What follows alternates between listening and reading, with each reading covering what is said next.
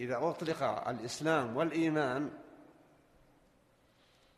فالمراد بالإسلام الأعمال الظاهرة التي يراها الناس ترى.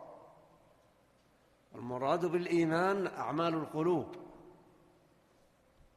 ولا شك أن الأعمال الظاهرة إذا لم تكن مبنية على أعمال القلوب لا تنفع.